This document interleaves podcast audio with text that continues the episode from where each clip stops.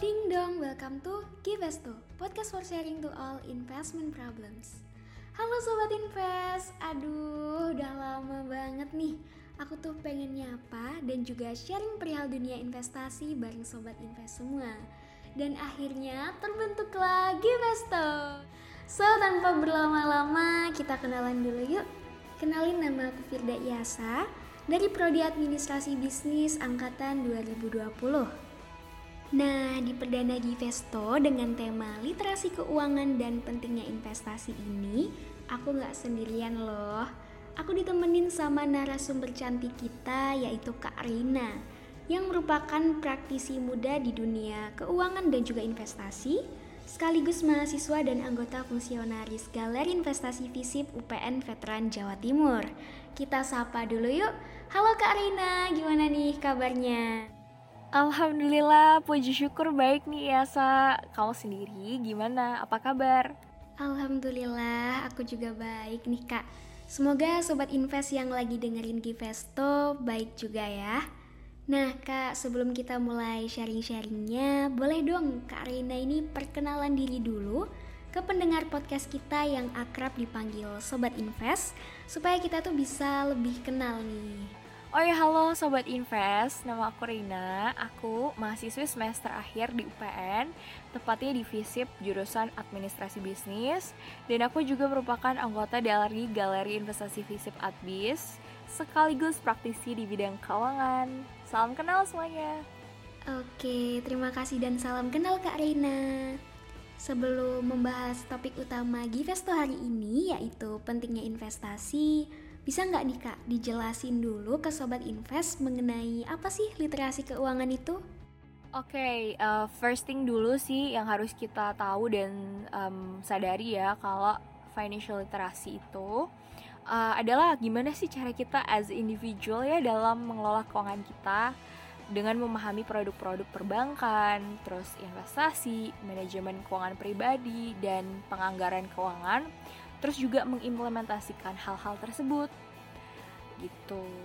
Nah, indikator dari literasi keuangan sendiri itu ada pengetahuan, keterampilan, keyakinan.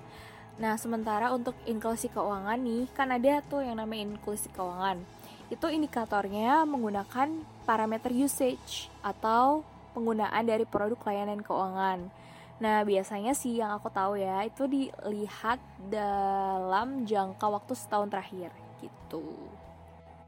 Nah, kalau menurut aku sendiri, manfaat dari literasi keuangan itu untuk kita dan sosial kita bisa melek financial atau yang biasa kita sebut dengan financial awareness. Nah, gunanya financial awareness tuh supaya kita bisa atur dan kelola keuangan kita dengan baik dan benar. Lalu, kita juga bisa memahami dan menggunakan produk keuangan yang sesuai dengan needs kita atau kebutuhan kita. For example, kayak insurance buat proteksi, terus investasi buat hasil dan profit, terus kan juga ada saving dan masih banyak beberapa produk keuangan lainnya. Depend on our needs. Gitu. Terus kalau financial kita sudah aware with financial product menurutku ya, transaction of financial juga bakalan meningkat kan dan juga roda perekonomian Indonesia khususnya bakalan naik juga. Nah, financial literacy kan juga sendiri punya long term benefitnya kayak increasing literate of society kita yang sebelumnya less literate into well literate gitu sih. Um, another another opinion ya menurutku ya juga meningkatkan jumlah penggunaan produk atau layanan jasa keuangan. Dan ini juga pasti bakalan affected banget ke kehidupan yang lebih sejahtera di masa yang akan datang. Gitu ya, Sa. Wah, gitu ya, Kak. Lot of information and knowledge banget ya penjelasan dari Kak Rina tadi. So, tadi kita udah sharing perihal meaning of financial literation dan manfaatnya juga. Nah, apa aja sih Kak aspek dari literasi keuangan sendiri? Ini kayaknya banyak dari sobat invest yang sama penasarannya nih kayak aku. Boleh langsung dijawab, Kak? Oke, okay, iya, Sa. Good question nih. Uh, aspek literasi keuangan sendiri tuh terbagi ke dalam beberapa hal sih, kalau menurut yang pernah aku baca. Di beberapa literatur aspek literasi juga uh, menurut Chanda Volpe salah satu researcher di bidang keuangan membagi ke dalam empat aspek keuangan. Nah, first aspek itu adalah awareness dan understand about basic knowledge kita terhadap keuangan pribadi atau kondisi keuangan kita. Nah, jadi first thing yang harus kita well know dulu nih tentang keuangan pribadi kita yaitu cash flow-nya gimana, stream income-nya dari mana aja, terus pengeluaran rutin dan wajib tuh apa aja. Dan ini tuh biasanya dicatat-catatin gitu loh, semacam kayak pembukuan keuangan pribadi sih jatuhnya. Nah, second aspek itu ada loan and saving atau tabungan dan pinjaman. Di sini kita harus tahu dulu nih kita punya loan apa aja, uh, kayak kewajiban ya jatuhnya kayak um, sort of utang gitu yang mana kewajiban ini tuh harus kita bayarkan dan keluarkan. Seperti misalnya penggunaan credit card uh, seperti tagarnya ya buy no pay later gitu kan. Uh, terus kalau untuk saving juga kita harus tahu nih selama ini kita saving di mana terus plan mau saving di mana. Itu untuk uh, lingkup tabungan pribadi kita Terus uh, third one ada insurance atau asuransi, di mana aspek selanjutnya dalam literasi keuangan itu adalah basic knowledge tentang insurance dan berbagai produknya. Uh, contohnya kayak life insurance, health insurance, dan asuransi kendaraan serta lain-lainnya. Uh, di aspek ini tuh aspek proteksi. Jadi aset atau harta atau keuangan yang udah kita punya tuh dilindungi atau diprotek dengan insurance itu sendiri. Gitu sih. And last but not least, ada investasi. Nah, aspek terakhir dalam literasi keuangan itu adalah pengetahuan terkait investasi, seperti pengetahuan tentang resiko investasi, profil resiko investasi, sukuk bunga pasar, saham, dan lain-lain. Gitu. Ternyata banyak juga ya kak aspek literasi keuangan ini. Oh iya, tadi kan Kak Rina sempat mention nih, di aspek investasi ada yang namanya profil resiko. Boleh dong dijelasin ke kita apa sih profil resiko ini? Kalau boleh sekalian dengan cara kelola keuangan yang baik juga. Karena pasti ada beberapa sobat invest yang baru mau mulai investasi but maybe masih confused jenis investasi seperti apa sih yang cocok dengan kepribadian dan modal yang dimiliki? Widih, pertanyaannya dari tadi keren-keren nih ya, Sa. And good question juga tentunya. Um, kalau aku sih ya, first thing yang aku mau share itu bakalan soal pengelolaan keuangan. Nah, disclaimer dulu nih buat teman-teman kalau aku share tuh based on apa yang aku lakuin pribadi ya. Nah, biasanya untuk pengelolaan keuangan, aku nih bagi ke beberapa pos gitu, beberapa pos keuangan. Ya, hampir-hampir mirip lah pembagiannya kayak yang aspek literasi keuangan tadi. Dan aku biasanya catat sih supaya aku nggak lupa.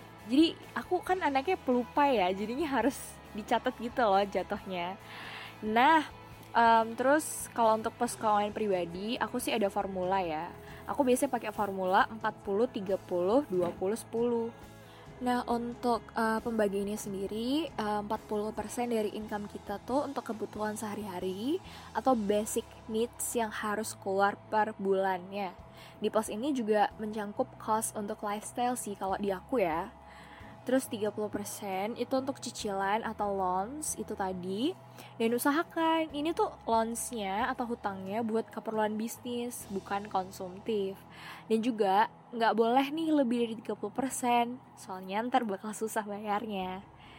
Kan ribet ya kalau susah bayarnya dan juga hmm, gimana ya kan utang harus dibayar teman-teman gitu makanya jauhilah utang terus yang 20% itu untuk saving Nah, insurance juga dana darurat ini the most important things yang harus kita punya dan miliki ya. Jadi selain saving, punya proteksi dalam hal ini insurance untuk protect all that we have, it's important. Nah, 10% sisanya aku biasanya pakai untuk sedekah supaya hidup kita tuh jadi berkah dan berguna bagi sesama. Nah, terus gimana dong pas investasinya? Nah, untuk post invest ini uh, aku sendiri basically menyarankan dan suggest ke kalian kalau kita lakukan jika porsi kebutuhan per bulan kita sudah terpenuhi dan ada. Itu biasanya tuh hadir setelah pos yang 10% untuk sedekah atau bisa juga sebelumnya. Tetapi disclaimer, pos keuangan untuk sedekah atau charity juga harus ada karena I believe that when we giving kita juga akan receiving sih dan Tuhan bakalan kasih sumber rezeki terus yang ngalir untuk kita berbagi gitu.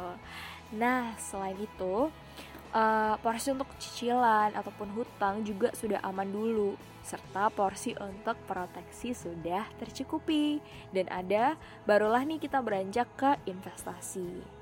Uh, aku sendiri sih uh, personally untuk dana invest biasanya tuh ambil dari porsi lifestyle yang ada di kebutuhan sehari-hari. Atau aku bisa juga ambil dari incomeku yang berlebih daripada nganggur kan ya. Mending diinvestin biar jadi profit. Karena gini guys investasi itu dilakukan ketika kebutuhan primer kita terpenuhi sih. Dan ketika income kita tuh berbanding lurus dengan gaya hidup kita Hal ini memastikan untuk kita invest pakai uang dingin ya dan bukan uang kebutuhan. Jadi ketika kita invest, ntar pasti kan juga pasti pernah nih ngalami yang namanya loss. Nggak semuanya tuh profit mulu. Kalau kita pakai uang dingin, kita bakalan aman-aman aja. Dan kalau kita pakai uang kebutuhan ya, wassalamualaikum sih, pasti bakalan kita kelimpungan sendiri.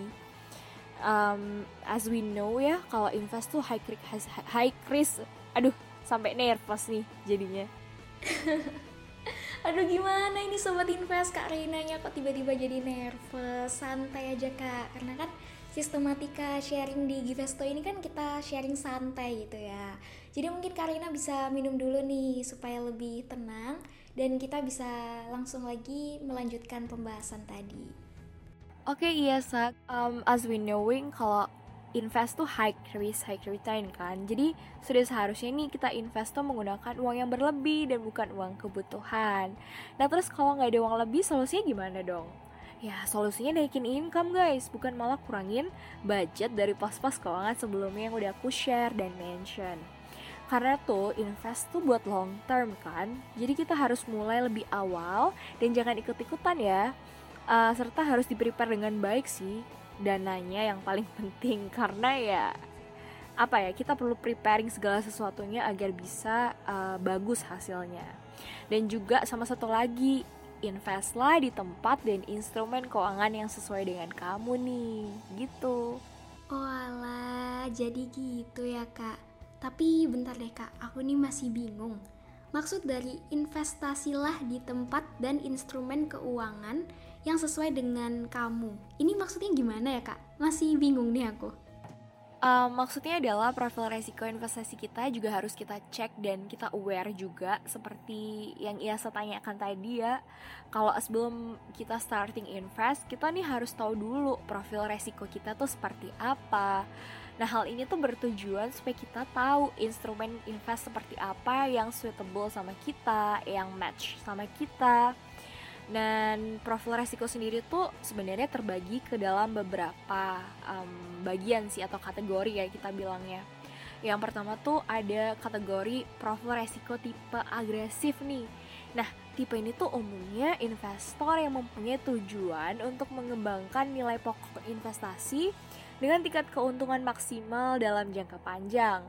Biasanya tuh rencana jangka panjang investasinya dia nih dalam waktu lebih dari 4 tahun. Nah tipe ini tuh juga singkatnya um, berani ya, berani banget malah ambil uh, resiko. Nah instrumen investasi yang cocok buat orang atau investor tipe ini itu adalah yang high risk high return juga yang kayak saham, reksadana saham, sama hingga investasi derivatif. Uh, terus yang kedua nih ada yang namanya tipe moderat. Nah profil risiko moderat ini itu uh, tipe investor yang tujuan investnya tuh untuk memperoleh keuntungan secara ber berkala dan memiliki pertumbuhan modal dalam jangka menengah sampai panjang. Biasa tuh rencana jangka waktu dia investasi tuh 3 sampai 4 tahun lah.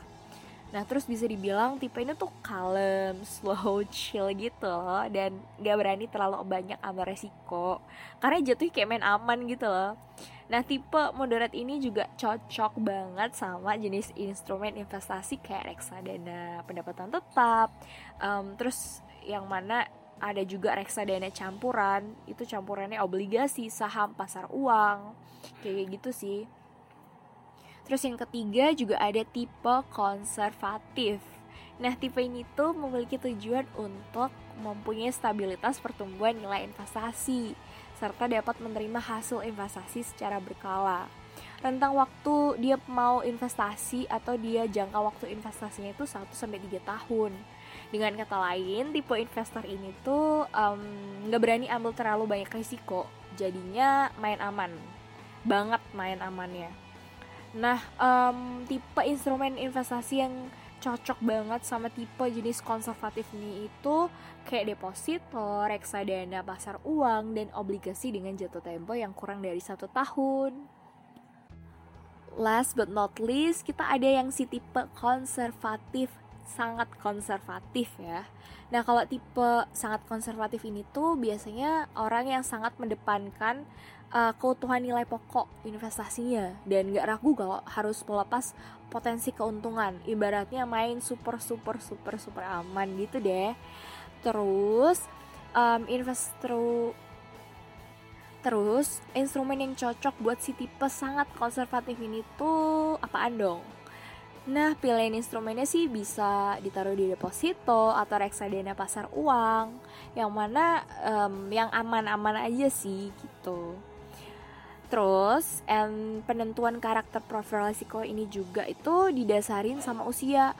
Jadi kalau semakin muda semakin berani ambil risiko, ya kan, semakin agresif gitu kan terus didasarkan sama income juga, sama tanggungan juga, sama knowledge yang dipunya juga tentang instrumen investasi dan investasi itu sendiri gitu. Jadi kesimpulannya ada empat.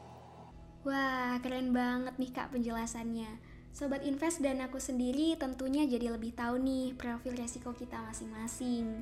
Kalau aku sih kayaknya masuk ke tipe konservatif Berarti instrumen investasi yang cocok buat aku itu reksadana pasar uang ya kak? nah jadi seperti itu sobat invest. Perbedaan dari tiap-tiap profil resiko investasi.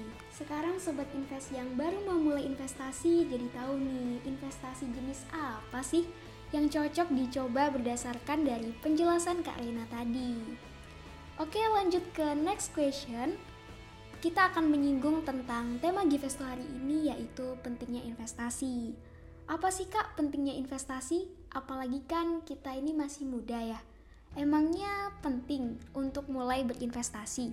Um, penting dong ya Sa Hal pertama nih yang kita kalau mau masa depan kita cerah nih Kita harus pengen investasi dulu Dan membuat kita nggak hanya kerja buat duit aja Tapi duit yang kerja untuk kita Nah, itu tuh the most priority menurutku selagi kita muda. Karena kan kita nggak mungkin kerja selamanya ya, jadinya kita kerja tuh ada batasannya. Nah, dengan kita punya profit yang cukup dari investasi dan stream income baru, hal itu tuh sangat mungkin terjadi gitu. Terus kita bisa achieve many things lah ke depannya buat masa depan dan juga mewujudkan tujuan keuangan kita. Contohnya kayak financial freedom, karena aset melalui investasi itu tadi udah jalan dan pensiun lebih dini serta chill, enjoy what we have, they enjoy life itu nggak mikirin soal uang lagi tuh bisa banget terrealisasikan gitu.